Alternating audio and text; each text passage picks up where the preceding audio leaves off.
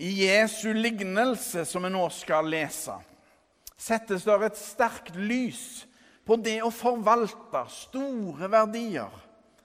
Og det er virkelig store verdier vi snakker om her, ikke akkurat småpenger.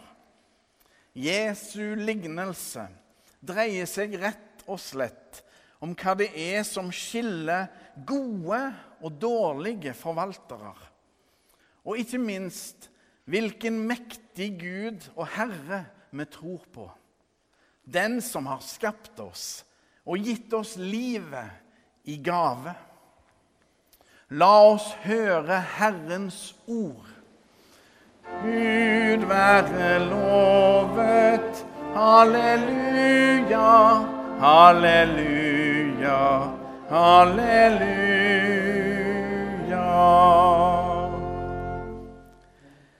Det står skrevet i evangeliet etter Matteus.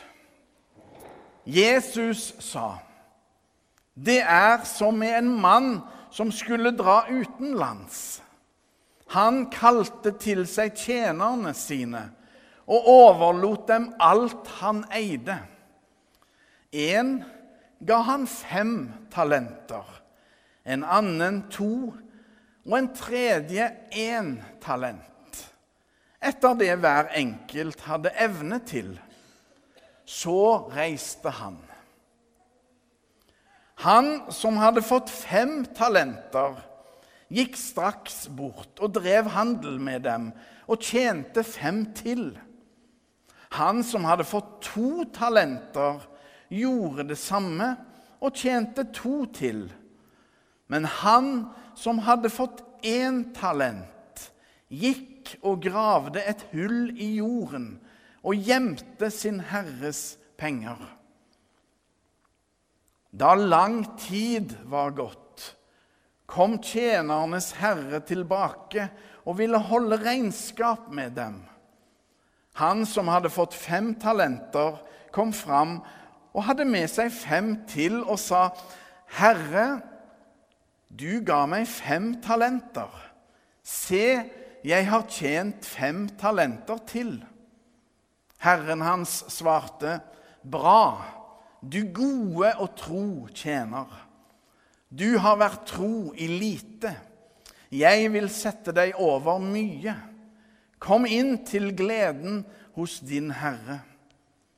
Også han med to talenter kom fram og sa, 'Herre, du ga meg to talenter. Se, jeg har tjent to til.'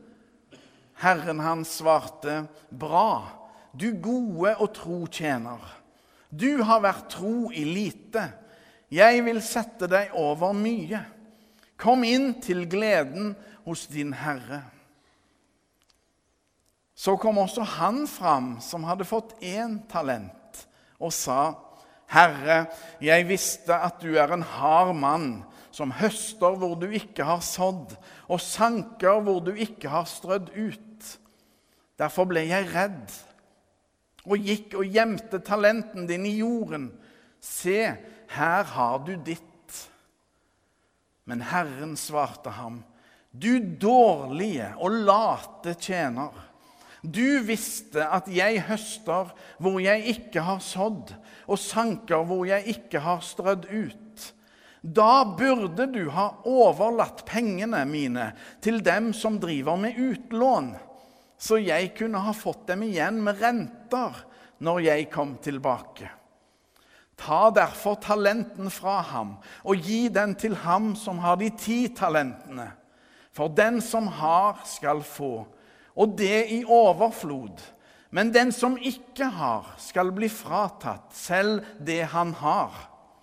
Og kast den unyttige tjeneren ut i mørket utenfor, der de gråter og skjærer tenner. Slik lyder det hellige evangelium. Gud være lovet. Halleluja, halleluja, halleluja.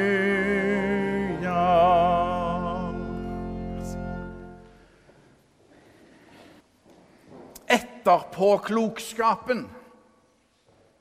Etterpåklokskapen. Det sies om etterpåklokskapen at det er den mest eksakte vitenskap. På engelsk brukes uttrykket 2020 hindsight. 2020 eller 2020 betyr perfekt syn. Etterpåklokskapen er brutale. Den sier 'Det var det jeg skulle ha gjort'.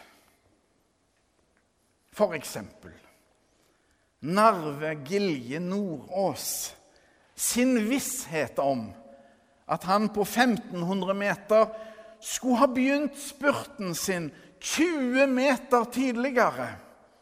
Hmm. Narve fra Vold ble den store sensasjonen på onsdagens 1500 meter i friidretts-VM. For en type! Han slo nesten både Jakob og han briten. Men også han kan altså fristes til å være etterpåkloke. Eller et annet eksempel. Er det noen som kjenner seg igjen i denne? Vi skulle ha bundet renta på boliglånet vårt. Oi, oi, oi.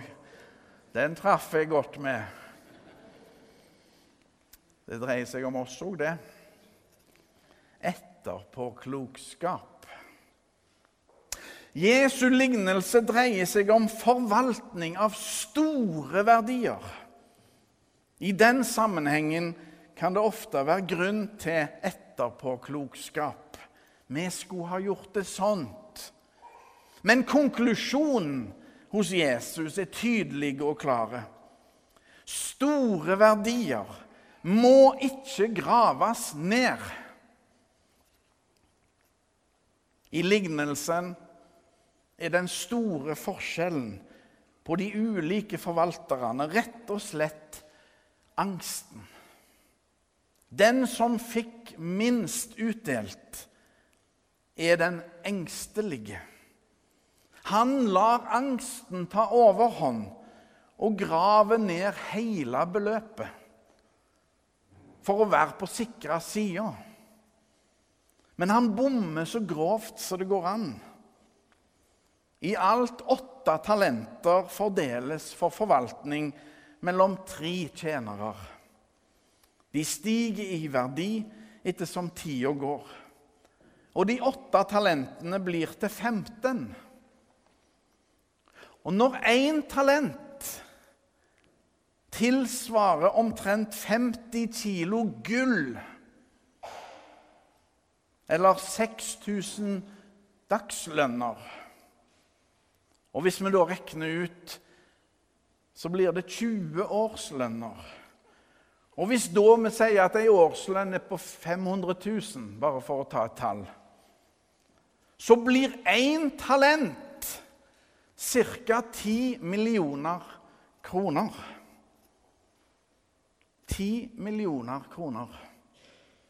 Da blir også vi litt imponert over verdiene det her snakkes om. Og i lignelsen velger altså den mest forsiktige å grave ned hele formua. Livet er en gave i seg sjøl. Hvert åndedrag vi tar, er et nådedrag, for å bytte litt om på bokstavene. Livet med Gud er det bare Jesus som kan gi oss. Det er den aller største gaven. Og sjølve himmelskatten har vi fått se i dag. Isabel, Pernille, Philip og Karsten som har fått den himmelskatten utdelt. Sjølve himmelen kirka og troen de nå er døpt inn i, er ikke en fullkommen størrelse. Like lite som de sjøl blir fullkomne. De skal ta mange valg i sine liv. Men deres foreldre har valgt å døpe dem. Det er tro i praksis, på vegne av dem. Troen er blitt øst over dem som en gave, uten at de forstår et fnugg. Så har Gud tatt dem inn til seg og satt sitt merke på dem. Jesusmerket, korset. Du er min. Trosskatten deres kan bli en nedgravd skatt, men han kan òg bli svært synlig i deres liv. En enorm verdi som de tidlig er bevisste på. Og Da er det godt at vi sammen skal hjelpe dem med det, både familiene deres og kirka. Peke på Jesus for dem i fellesskap. Isabel, Pernille, Philip og Karsten. Det er han du tilhører. Jesus gjorde deg til sitt barn. Han er veldig glad i deg. Og han, Jesus, vil aldri svikte deg. Jesus-skatten gjelder oss alle. Vi skal ikke være etterpåkloke. Vi skal være nå-kloke. For det eneste sikre øyeblikket, det er nå. Vi skal ta i bruk våre verdier og talenter. Vi skal ha tillit til Gud og hverandre. Vi skal tro. Her og nå i Lurakirka feirer vi fellesskapet og Guds nærvær. Jesu nærvær. Den store formuen lar seg lett dele med andre. Og verdien bare øker når han blir delt med andre. Grunnverdien, selve skatten i vår tro, er Jesus og hans frelsesverk. Den har blitt videreinvestert og forvalta på ymse vis, men har økt i omfang og utbredelse likevel, verden over.